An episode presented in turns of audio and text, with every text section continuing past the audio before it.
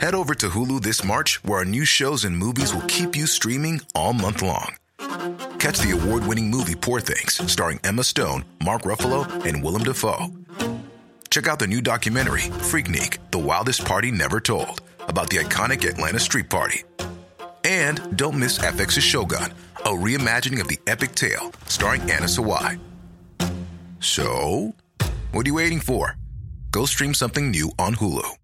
As a person with a very deep voice, I'm hired all the time for advertising campaigns. But a deep voice doesn't sell B2B, and advertising on the wrong platform doesn't sell B2B either. That's why, if you're a B2B marketer, you should use LinkedIn ads. LinkedIn has the targeting capabilities to help you reach the world's largest professional audience. That's right, over 70 million decision makers all in one place. All the big wigs, then medium wigs, also small wigs who are on the path to becoming big wigs. Okay, that's enough about wigs. LinkedIn ads allows you to focus on getting your B2B message to the right people. So, does that mean you should use ads on LinkedIn instead of hiring me, the man with the deepest voice in the world? Yes. Yes, it does. Get started today and see why LinkedIn is the place to be to be. We'll even give you a $100 credit on your next campaign. Go to linkedin.com slash results to claim your credit. That's linkedin.com slash results. Terms and conditions apply. Just det, podd nummer eh, 86 och det första för året får man väl ändå eh, bara gratulera oss till, är det inte så?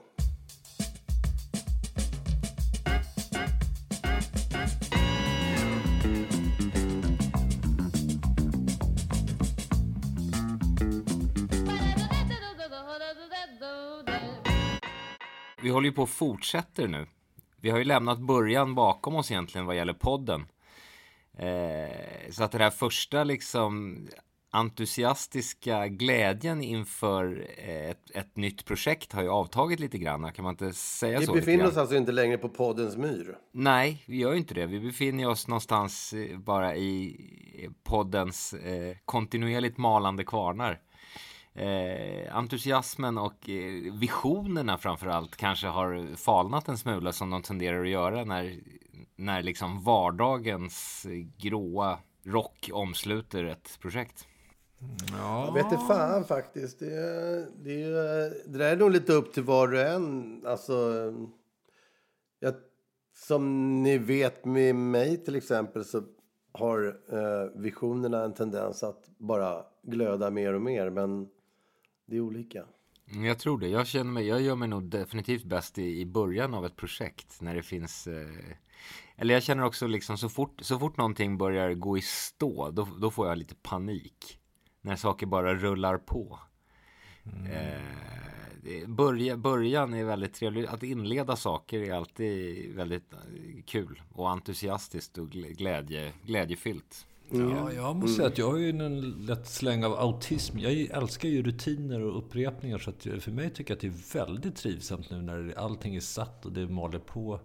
Eh, ett kontinuerligt samtal varje vecka då man hörs nästan på samma tid också. Det är ju fantastiskt skönt. Så det, Just jag är vad helt nöjd.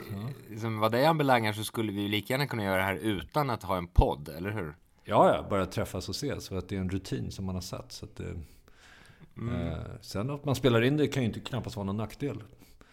Ja, det beror ju på. det får man ju fråga lyssnarna om. Men det... Ja, ja men, men det... Om det är en ambition att vara någon slags underhållning för folk så, så kan det ju vara ja. någonting att, att ha i bakhuvudet i alla fall, att det, att det spelas in. Men skitsamma. Ja, skitsamma. Ja. Eh, det är ju eh, ett nytt år i alla fall och, och eh, det är väl liksom börjornas börjor. Det är helt häftigt tycker jag ändå att man har hittat på att saker och ting går i loop. Det, det här med att liksom ett, ett nytt år, visst planeterna snurrar på ett visst sätt. Men man har också strukturerat upp det så att man kallar det för en intervall med en rätt lagom tidsrymd. Här är ni vad jag menar? Att just ett, ett, ett år är ändå överskådligt. Ja. Lo, loopen kunde ju lika gärna ha varit 500 000 år tidsmässigt. Och då hade man ju svävat i ovisshet på ett helt annat sätt. Nu har vi de här trappstegen som vi tar oss fram längs. Alltså mm. januari, februari, mars, april, maj. det känns som att eh, det, är en, det är en ordning som vi, organismen människan, behöver för att orientera oss. Ja, men det är ju rätt lag... det, är, det är ju precis också ett år känns ju, eller om kroppen har vant sig vid det, eh, liksom att, att Därför att det kommer ju med ett nytt år kommer ju väldigt mycket nytt hopp. Det är så vi pratade, var inne på det förut, att saker ska vända, för saker ska bli bra, saker ska reda upp sig, man städar ut, börjar om på nytt. Eh, och under 12 månader hinner man liksom inte dippa så fruktansvärt mycket så att det inte går att plocka upp i januari. Eller i varje fall hoppet om att plocka upp det. Det tycker jag är fint. Ja, det, det, det är tankeväckande. Jag, ja. jag har lyckats få reda på... Jag, jag korsförhörde min eh, lokala pizzeria-kille. Eh, för att försöka ta reda på vilket år, eh, eller vilken dag på året man säljer flest pizzor. Just det. Eh, och där ligger just juldagen och nyårsdagen jävligt bra till. Mm. Ja, nyårsdagen har man ju hört, det är en klassisk pizzadag. Ja, ja. Pizza Ivanhoe, det är fin, fin kombination. Så det... och, och, och, nyårsdagen skulle eh, egentligen vara vinnaren om det inte vore för att folk kom igång så jävla sent. Alltså halva dagen, innan folk börjar köpa pizza på nyårsdagen så är det ju långt in på eftermiddagen. Och det gör att hur mycket man än köper där så, så, så kommer man liksom aldrig ikapp. Så det kändes som att juldagen var också bra. Kanske inte lika intensivt som nyårsdagen, men under en, folk är uppe tidigare på juldagen. Betyder det att folk super mindre på julafton än på nyårsafton? Jag det är tror ju det. logiskt. Det borde det ju vara. Ja, jag de försöker hålla liksom- sig lite clean för barnen och sådär. Det- Ja. faller väl i säng tidigare också. Sen så tror jag... Eh, juldagen är ju en sån där jävla stängd dag. Nyårsdagen är nog inte riktigt, riktigt lika stängd. Den är visserligen röd, va? Men, men juldagen är så in i helvete röd. Ja, men juldag, alltså jag var ute juldag. Faktum är att Åhléns hade öppet på juldagen i år. Det var, kom som något av en chock till klockan åtta tror jag till och med. Men det var också nästan de enda som hade, som hade öppet på juldagen. Men det där, det pratar vi om, det där kommer ju ändras. Eh, för jag tror knappast att de andra marknadsverkarna kommer att låta Åhléns springa iväg på juldagen ensamma. För det var ju en kommers utan like där då. Ja, ja, det är shopaholics i full verkan. Men jag blir lite intresserad av det här pizzafenomenet ändå. För eh, A, eh, börja liksom handla pizza tidigt innebär att man köper pizza till lunch efter att ha dragit i sig ett mäktigt julbord. Eh, där det känns det ju all- lite som en paradox tycker jag. Fast det är det man gör. Alkoholen gör en ju vidrigt hungrig alltså. Ja. Du, du menar att man skulle vara så jävla mätt från dagen innan? Liksom? Nej, men man skulle vilja variera till kanske att köpa en sushi eller någonting lite lättare istället eh, för att dundra i sin pizza på juldagen. Fast sushi när man är riktigt bakis är- minns jag ju kanske var, var inte så lyckat. Ja, säg inte det. Det eller en bibimbap eller något annat. Det känns kanske Nej, jag håller med trevligt. Jag håller med Peder här lite grann. För att den, den går helt hand i hand med min egen teori om varför, varför jag blir pizzasugen. Alltså, dels får man ju ha i minne, det är väldigt få andra ställen öppna. Pizzerierna är ju lojala leverantörer liksom. Och, och de, de har i regel öppet. Så att det är ju givetvis en orsak. Jag tror inte sushiställena är, är lika lojala på, på att ha öppet de här dum-dum-dagarna liksom. Nej, nej. Och sen Eh. finns det ju en riskfaktor i fiskhanteringen där över, eh, med fräschheten. Så att, Ja, det är ju en intressant aspekt. Men eh, det, det som, som är min grundtanke om jag känner att jag är sugen på en pizza i de där dagarna är att jag liksom vill rensa ut julmaten. Och har man käkat julmat, vilket jag gärna försöker undvika, men har man gjort det så vill man ju äta någonting som är helt annorlunda. Och eh, pizza har jag känt, det är nästan som att borsta tänderna med pizza, liksom få bort liksom julmaten. Men, men nu när jag tänker på det så är det så jävla olikt, det är det ju inte. Det är ju Det är ju skinka. precis, det är samma sak. Skinka, ost och bröd. ja, och flott. Så att, eh, ja. Ja, Man kan i alla fall konstatera att eh, eh, det som har hög eh, liksom, prioritet i eh, början på januari är ju de här börja om-känslorna i form av att leta upp gym och Alltså, det, sånt där tuggar ju igång som fan med, med nyårslöften och skit. Och där är ju i vanlig ordning hitta.se som känner Sverige eh, genial. för att eh, skrapa fram allt ifrån liksom det du behöver eh, när januari börjar, nämligen gym, AA, kyrkor, Alltså antirökkliniker och sånt. psykologer, alltså the works. Det är bara- Läkare. Ja, det är bara att kliva in och frossa i det här äh, rehabiliteringsmyllret som, som kan komma väl till pass. Just det. Hitta.se tar hand om dina löften innan du har bestämt dig för att bryta dem. I februari.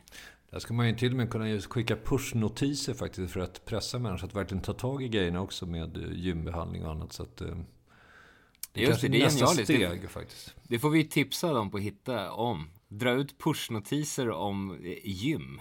Vilka gym finns i närheten? Det är otroligt provocerande. Varför har du inte tränat din jävel? Till exempel. Ja. Så att, eh, som du sa att du skulle göra. Precis. Bara för ett par timmar sedan. känner, hitta, känner, kä- hitta känner till dig. Ja. Hit, hitta känner på dig. Ja. Hit, hitta vet dina brister.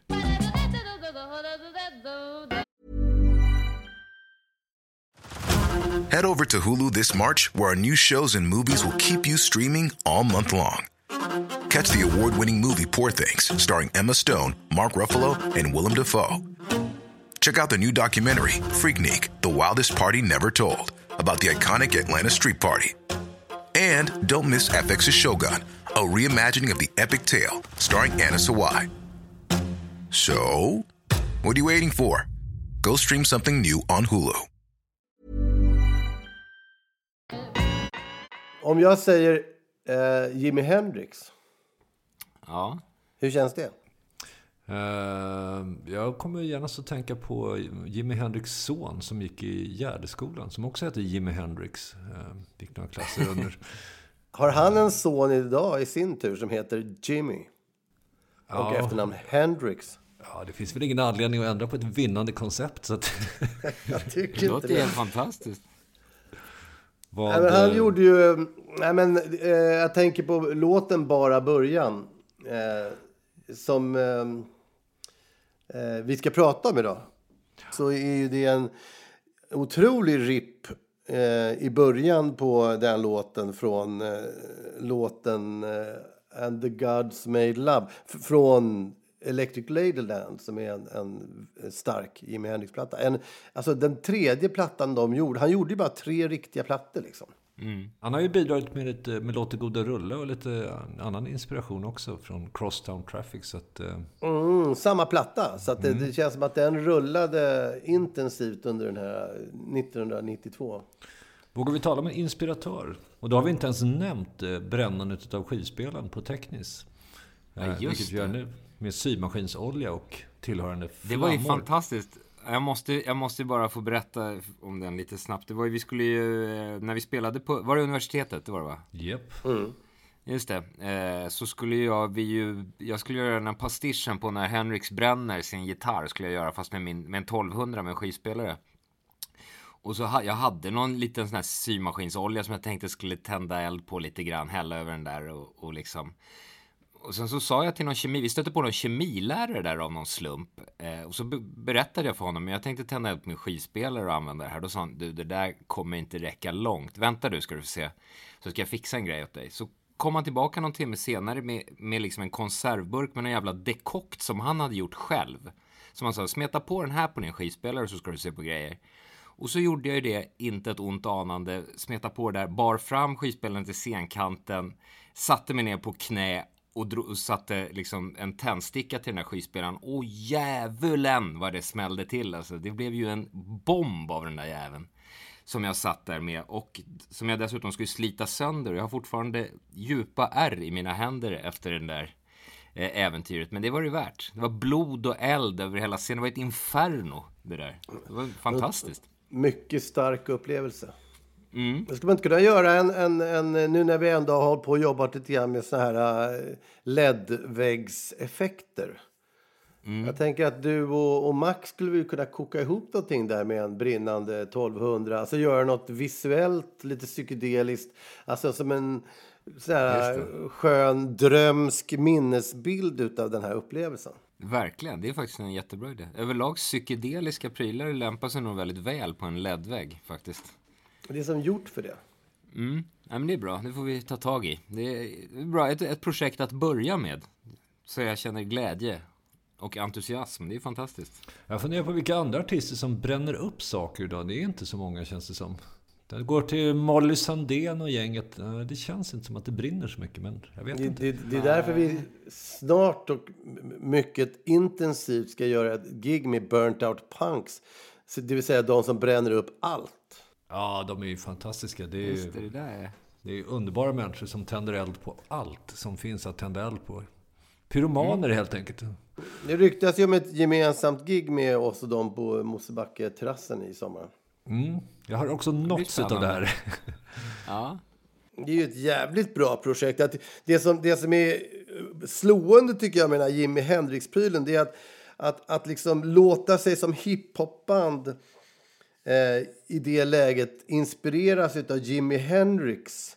Det är ju en otroligt gammal platta för några hiphoppare att att hålla på och plocka saker av.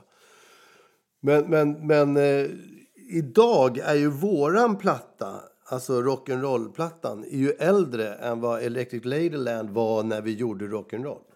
Mm. Mm. Det är fan en chockerande tanke. Alltså, jag menar, när man höll på på 90-talet och gjorde hiphop, 60-talet var ju som en, en det var ju fan svartvit film. Alltså det var så långt, långt borta som det bara överhuvudtaget gick.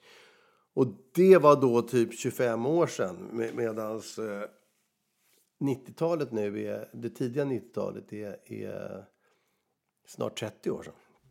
Väldigt skrämmande. Frågan- Den frågan här hur tanken vill jag helst den i- släppa med en gång och Nej, bara gå precis. vidare. Hur, frågan är hur man hanterar den informationen på bästa sätt. Nej, det är bara i, vanlig ordning efter nyår så känner man sig skitgammal. Det är väl antagligen det som är prylen. Ja. Det som är allra kusligast med låten det är att det är en sån extrem profetia på något sätt. Det är bara klockrent. Det, det, det är ju inte många ord i den här låten. Det är 20 ord liksom. Som, som, det, eftersom låten är ett intro så är det ju mera en, en någon slags sammanfattning i hur man känner inför den här plattan som kommer. Och bara början låter ju som ett, ett, ett något, något positivt. vad Fan. That You haven't seen nothing yet ungefär. Men, men eh, jag, jag, vet inte, kommer ni ihåg texten överhuvudtaget? ja, det är arresten och lite andra. Just det ordet kommer jag ihåg. Ja, poporkestern Ja. rimmar det på. Tre, fyra hits och den första arresten. Och sen så vet jag Sen kan jag inte mer. Nej, men det är ju det att vi, vi kliver in och säger att det här är bara början, sa poporkestern då efter några hits och den första arresten. Jag tror att det vi anspelade på där var eh, den här pluggade startpistolen eller vad det var. Det, det, var ju lite sådana där saker i rullning då liksom. Och vi var på väg att, bli mer rock'n'roll-band och vad fan det nu var. Eh, och, och, och sen så avslutas hela texten med att, att men ingen kommer att komma ihåg dem sen. Och sådär. Alltså, veckan efter kom ingen ihåg dem. Ingen ville ha dem och sist man såg dem satt de och gasta minns ni då. Men ingen hörde på. Fan vad obehagligt Fan, alltså. det är som Det är liksom- Nostra själv hade. Det är helt sjukt. Det är ord för ord alltså. Ja, Fy satan. jävlar vilken Ja, det är- kristallkula som presenteras. Fan, jag tror att är te temat från Arkiv X passar bra att spela här. Alltså. Ja, är, det, är det självinsikt? Är det självdistans? Är det självironi? Vad, vad är det för någonting egentligen? Liksom? Det, det är ju... Det är någonstans, någonstans där i krokarna befinner vi oss. Alltså det här med att vi sågar oss själva är ju någonting som vi konstant får kritik för faktiskt idag. Ja. Eh, att, att det är liksom ett eh, jävla sågande av oss själva. Men jag, jag, jag, kan inte riktigt liksom eh, förstå vad som är så dåligt med det. det, är liksom- det, är- det, för därför att man har ju alltid fått lära sig att ha distans till det man gör är någonting bra. Ja, men det, det är liksom när det, när det faller över gränsen och blir så här självömkan. Det är ju fruktansvärt att sitta och lyssna på. Det kan jag ju förstå. Men, men det, det, man får väl hålla sig liksom på rätt sida om det där på något sätt. Eh, Ja, för det ska man se till, till LL Cool J skulle ju aldrig dissa sig själv på det sättet. Nej. Eller det liksom ligger långt ifrån hiphopens grundtanke. Där det bara handlar om att liksom blåsa upp egot. Så att, Men det är så mycket som, jag vet inte, folk kanske tar det där på lite för stort allvar också. Jag menar att, att såga sig själv är ju en form av liksom det är väl någon slags bara ett förhållningssätt till en humor, liksom ett förhållningssätt till verkligheten. Att avdramatisera saker och ting.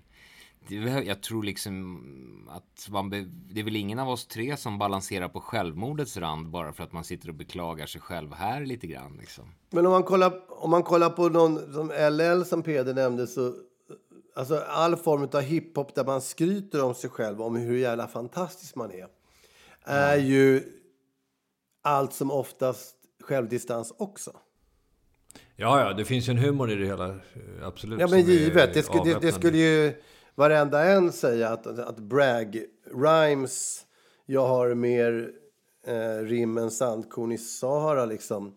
Det är ju ingen som på fullt allvar tror att de har fler rim än sandkorn i Sahara. Och, och det, det, det liksom ska ju vara med en glimt i ögat. Och att, att säga att man är bäst med en glimt i ögat måste ju ändå kunna gå hand i hand med att säga att man är sämst med en glimt i ögat. Jag tror det var ju också som Peder var inne på att det ligger i hiphopens natur. Alltså hiphop är ju ett sätt att från början hela kulturen att visa visa sig på styva linan liksom. Och sen tror jag att det är otroligt avgörande var man kommer ifrån, vilken bakgrund man har. Hur man ser, för jag tror till exempel en sån här Eminem som jag är helt övertygad om upplever sig som fruktansvärt hånad och säkert har varit det också liksom retad, hånad, har fruktansvärda familjeförhållanden, liksom har bl säkert blivit slagen, mobbad hela sin uppväxt och använder använder liksom hippa, han ska bli bäst på någonting och kämpar som ett svin för, för att liksom bli den rappare han är. Eh, jag tror att det är väldigt främmande för en sån snubbe och liksom helt plötsligt börja liksom driva med sig själv och liksom rycka på axlarna åt, åt grejen liksom. Jag tror att de är så inne i liksom hela revanschlustan att det liksom finns inte något som helst utrymme för, för liksom någon form av självironi överhuvudtaget liksom. Ja, det kan ju vara så. Eh, och speciellt liksom humor kan ju vara en bristvara. Om man ser på Big Daddy Kane till exempel. Så jag tror att han är på, på riktigt är helt övertygad om sin egen storhet och inte ser någon som helst humor i att lyfta fram hur fruktansvärt mäktig han är. Men det, Då är man ju beredd att hålla med direkt. Ja. Det, det, det, sitter väl ihop med var man är någonstans. Det är nog det som är poängen tror jag. Att liksom om, om, om, du har en kille som, som kommer ifrån liksom lägsta botten som ställer sig upp och säger att han är kungen och mäktigast av alla. Så ja. kommer, kommer det vara en skön grej liksom. Men i, men i samma stund som, jag tror vi har varit inne på det här förut, men i samma stund som Trump eller Putin slår sig för bröstet och säger att Hey I'm the leader of the free world, fuck you. Då, då blir det inte riktigt lika kul. Eller? Kung Carl Gustav börjar rappa om att han är kungen. det skulle i och för sig vara en dröm. Alltså. Ja, men, och, och, och, där kan jag tänka mig att de här raderna, liksom, att man är bortglömd och sitter och hojtar om hur bra man var en gång i tiden och alltihopa. Det, det var väl asskönt när vi var på topp. Men nu när vi är bortglömda och liksom, det, blir, det, blir, det är väl antagligen det, när folk går in och börjar trösta en. Sådär, ja, nej men inte ska ni säga att ni är sämst. Det hänger väl kanske ihop med att de faktiskt tycker att vi är sämst då. då. Ja, ja. Nej. Jag, jag vet inte fan. Jag tror också det kan vara liksom ett sätt att offentligt ge luft åt den uh, tanke som finns hos ganska många. Att liksom, de kan vara på ledande toppositioner i näringslivet och så, men de känner att snart blir jag avslöjad. Uh, fan, jag, är inte, jag är inte, ska inte vara här egentligen, utan jag kommer bli avslöjad. Det är en ganska vanlig känsla hos många människor. Uh, att man inte riktigt har täckning för det man gör. Så det kanske är en sån uh, psykologisk spin-off som, som verbaliseras. Men jag tycker det handlar väl jag, jag tycker det är så svårt att, att, att berätta för saker. Jag har väldigt svårt att liksom mässa för folk, säga åt folk liksom vad, vad jag tycker eller vad, vad som är bra och dåligt och sådär. Och om man till äventyr ska göra det, vilket man i någon mån, någon, någon mån måste göra om man har en podd, så, så vill man ju, jag vill gärna lägga in en brasklapp liksom. Jag vill gärna säga att jag, jag vet ingenting, jag kan ingenting och jag är, är liksom inte i position att, och liksom, jag, man vill liksom nedvärdera sig själv innan man säger någonting för att inte folk ska tro att man på fullaste allvar vet hur saker ligger till och hur andra ska bete sig. jag kan inte tänka mig något mer motbjudande personlighetsdrag. Liksom. Det, är väl, det är väl på något sätt att, att motverka det också som gör att man kanske inleder med att förminska sig själv. Liksom. Men det par paradoxala är det att det, även det är en utfästelse att säga att man inte vet någonting om någonting. Ja, det är otroligt intressant att ordet brasklapp kliver in där som en som en slags positiv grej. Det är, ju- jag vet, står brasklapp kvar i Svenska Akademins ordlista? Det är ju det är sånt där äh, för folk som är yngre än 51 så bör man kanske förklara vad brasklapp är för någonting. Och det, och det har ju definitivt inte eh, varit eh, förknippat med någon slags positiv grej att, att så att säga i förhand eh, att markera att man inte Ja, men står, man, för, man, står för alltså, det man gör. Man står inte för ett skit. Alltså man, man, man skyddar sig liksom Ja. eh, för alla omständigheter. Men, men eh, alltså, har ni läst de här orden som, som de har plockat bort från Svenska Akademins ordlista? Nej, Det, det, det, enda jag, det sista jag vet att de plockade bort var boudoirstämning. Vilket omedelbart gjorde att det ordet blev ett av de mest använda det året eller något sånt där. Ja, då ökar ju frekvensen direkt. Det blir Ja, ja, verkligen. nyord. Ja, men det är helt otroligt med de där orden som... som, som eh, alltså själaspis hade de plockat bort för tio år sedan. Liksom. Jag känner så här, det använder väl folk precis lika mycket ändå. Alltså, det är ju ingenting som känns jättekonstigt. För läser man en hel del av de här orden fattar man ju faktiskt ingenting utav. De kan väl kanske försvinna då. då liksom. Men, men d- depravera. Jag känner så här, men vänta stopp ett tag. Det är ju någonting som, och pappas gosse, viktig Pelle. Men, men är depravera bortplockat? Ja, tydligen. Skrämmande. Eh, För det är ju ett, det är väl ett väldigt vanligt ord kan jag tycka. Det är ju depraverat av dem att och Ja, verkligen. ägna sig åt sånt. Men Viktig-Pelle, är, är, finns Viktig-Petter kvar då? Men, eh, Vik, vad händer med Viktig-Anders? ja, jag hade faktiskt förberett en liten nyordsquiz eh, för er. Ja, bra. I'm on. Ja, Eh, Jag, jag dundrar igång direkt med ordet plogga. det är någon Mm. form av vlogg fast i ett annat forum. Något, något forum som börjar på P. Ja, jag, jag har faktiskt läst där, så jag håller käften. Jag, vet- jag, jag vet. Ja, Kör med får mig du- då. Nu får jag en chans till. Det handlar om fysisk aktivitet och renhållning i kombination. Fan, det låter... Nej, jag, jag vågar inte. Det, det kommer... fy, fysisk aktivitet utav springande karaktär samtidigt som eventuellt skräp kan försvinna från där man rör sig. Ja, hela grejen är så bisarr så att, att jogga samtidigt som man plockar skräp, oftast i grupp. Och vem gör det egentligen? Men det här låter ju lite som liksom... Ska man inte ha ett ord för handbollsbowling då också i så fall? Är, man kan ju kombinera vad som helst. Ja, tycker absolut. det också var långsökt. Blir det en stor rörelse så är det ju helt motiverat. Det är inte så mycket att snacka om det. Det är, det är, det är väl toppen i så fall. Liksom varför måste man jogga? Är det inte bättre att promenera och plocka skräp? Känns inte det mer som en naturlig kombination? Ja, då blir det... Ja, skitsamma. Folk får göra... Så länge de plockar skräp får de göra vad fan de vill. För övrigt kanske Svenska Akademin inte är några som man ska lita på så jättemycket i dagens läge. Så att Ja, jag håller dem högt. ta det med ett nypa salt. Partygäng utav Guds nåde. Ja, vi rullar vidare med klickfarm. Jag kan, det, det känns bara bisarrt. Ingen gissning? Nej, kanske Ville kan förklara. Ja, det känns som att något som vi skulle behöva kanske. Men, men, eh, vad jag förstår så var det väl egentligen något slags medvetet ihopsatt gäng som klickar upp någonting till kanske rent av betalda människor som ska klicka fram ens framgångar. Alltså, ja. Ja, systematiskt klicka på annonser helt enkelt för att generera intäkter till uppdragsgivaren. Så att, Men får de betalt för att klicka på det här? Nej. Jo, det tror jag nog de kan tänkas få absolut. också. Ja. Eller andra ja, de får betalt. fördelar. Alltså det är enligt definitionen. Ja. Min killgissning är att eh, de eh, får betalt. Killgissning, inte det ett Och nyord? där fick du in en till, ja precis. Det är, det är ett roligt ord tycker jag. Det använder jag rätt det- ofta. Det gör man ju nästan jämt. Ja, det blir en fin eh, touch på mansplainingen. En, Precis. En, Mansplaining och killgissning, det är någonting man ägnar sig åt dagarna i ända. ja. Ja, fortsätt då. Den här då? Spetspatient. Mm. Antingen är det en patient som har eh, så pass mycket försäkringar att den kan betala för sig rakt igenom hela vårdprocessen. Eller så är det någon som har en så brutalt bisarr sjukdom så att den måste liksom gå före allt annat och bli intressant i forskningssyfte.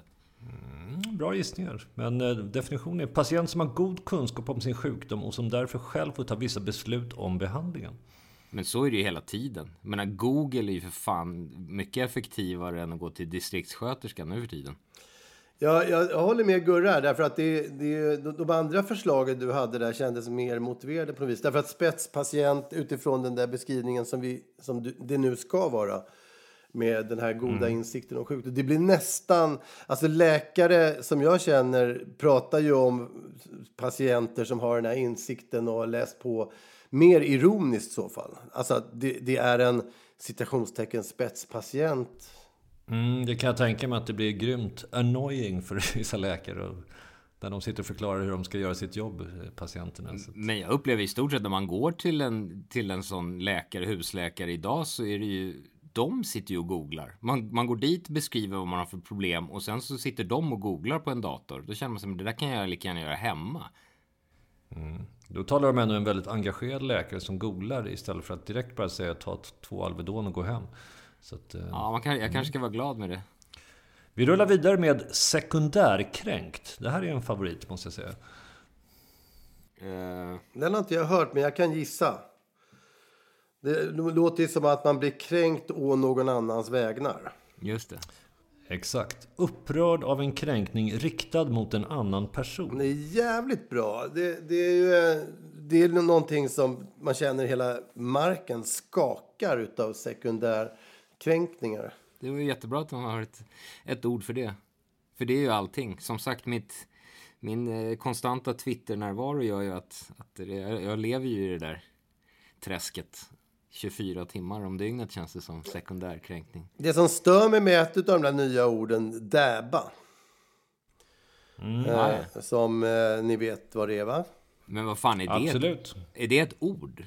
Mm, Nyord? Ja, det är ju bara en rörelse. Det kommer ju försvinna om 30 sekunder. Det är väl redan ute? Ja, det har uppenbarligen blivit en, så pass stort att man ska göra ett ord av det. Men det som stör mig där det är att de då väljer att göra D-A-B-B-A. Dabba Alltså det är så jävla värdelöst när man har en alldeles utmärkt möjlighet att, att klämma in det gyllene ät.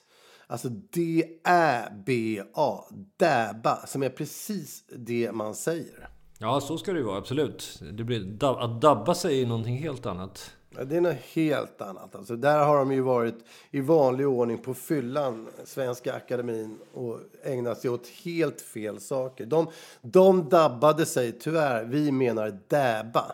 Men det är ju en anglifiering där som de har ägnat sig åt, vilket Svenska Akademin kanske borde vara för att motverka. Ja, det är ännu värre på det här cringe där har de inte ens orkat liksom eh, ägna sig åt någon form av försvenskning. Nej.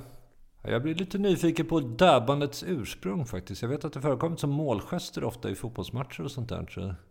Men det är ju en rörelse. Det, var, det är ju sånt man använder för att, för att liksom reta sina barn. Jag gjorde, jag gjorde ju det ute på stan när jag gick med Moa. Så hon höll ju på att svimma av skam. Det är ju jätteroligt. Av cringe menar du? Det är liksom, som förälder är det absolut... Ja, just det. Hon, ja, hon cringeade. Det var otroligt cringeigt att jag dabbade. Ja. Jag tror att det, fotbollen måste ju vara väldigt tidig där. Därför att det, det, har, det är så det har rullat in för Dorian. Liksom. Och det är från Dorian jag har plockat det. Och jag skulle gissa att det är liksom en rörelse som... Kan det vara Pokémon? Eller att, att det i sin tur är plockat från någon jävla grekisk staty. Alltså det är ju ändå en rörelse, man, man, man skapar ju någon slags coolhetsform av sig själv. Det kan ju i och för sig kombineras med också det som vi pratade om för några veckor sedan, att nysa i armvecket istället. Gör en dab när du vill nysa så är det klart. Så klockrent. Det, det, det, ja. Med en bild, med en illustration för det hela liksom. Ja. Det, är ju, det, det, är nästan så att jag vill gå in i det nya året med den här uh, nya insikten. Ja, men antingen, jag skulle säga, antingen är det en hiphop-dans eller så är det amerikansk fotboll, skulle jag säga. Ja. Som den googlare jag så var jag tvungen att snabbt kasta mig över knappen för att se uh, The Dab. Och som vi mycket riktigt var inne på så Eh, kom den från hip, USAs hiphop-scen, närmare bestämt Atlanta. Rapgruppen Migos låt Look at my dab från 2016, september. Som blev startskottet för det virala fenomenet. Och sen var det Carolina Panthers superstjärna Cam Newton började göra den efter touchdown. Ja, hiphop och amerikansk fotboll. Ja, hiphopen igen slår till alltså. Ja, det är ändå rätt starkt att göra en låt som får ett så liksom... Ja, men det, det måste ju ha haft någonting innan. Alltså, det, jag, jag har svårt att se att de hittar på rörelsen och ordet ur inget. Det kan ju lika gärna vara någons morfar som gjorde något någon gång och sen plockade någon medlem i det där bandet upp det. det, det, det, Absolut. det där med hur saker uppstår, alltså, det är ju generellt... Det finns aldrig liksom någon slags absolut nollpunkt. Vem gjorde Big Bang? Liksom? Du menar att starten på saker nästan alltid är svårdefinierad? Det är ungefär det jag försöker säga. Och jag tror att kanske vi ska lämna våra lyssnare där. Ja, absolut. Den första dabben kan mycket väl varit i en grotta vid Altamira eller någon annanstans. Men, Vi kan i alla fall konstatera att, att eh, Bara början är ju inte nödvändigtvis en av våra mest spelade låtar. Utan den har ju eh, då enligt Spotify spelats om det är 15 000 gånger. Något sånt där. Det är ju inte några jättesiffror.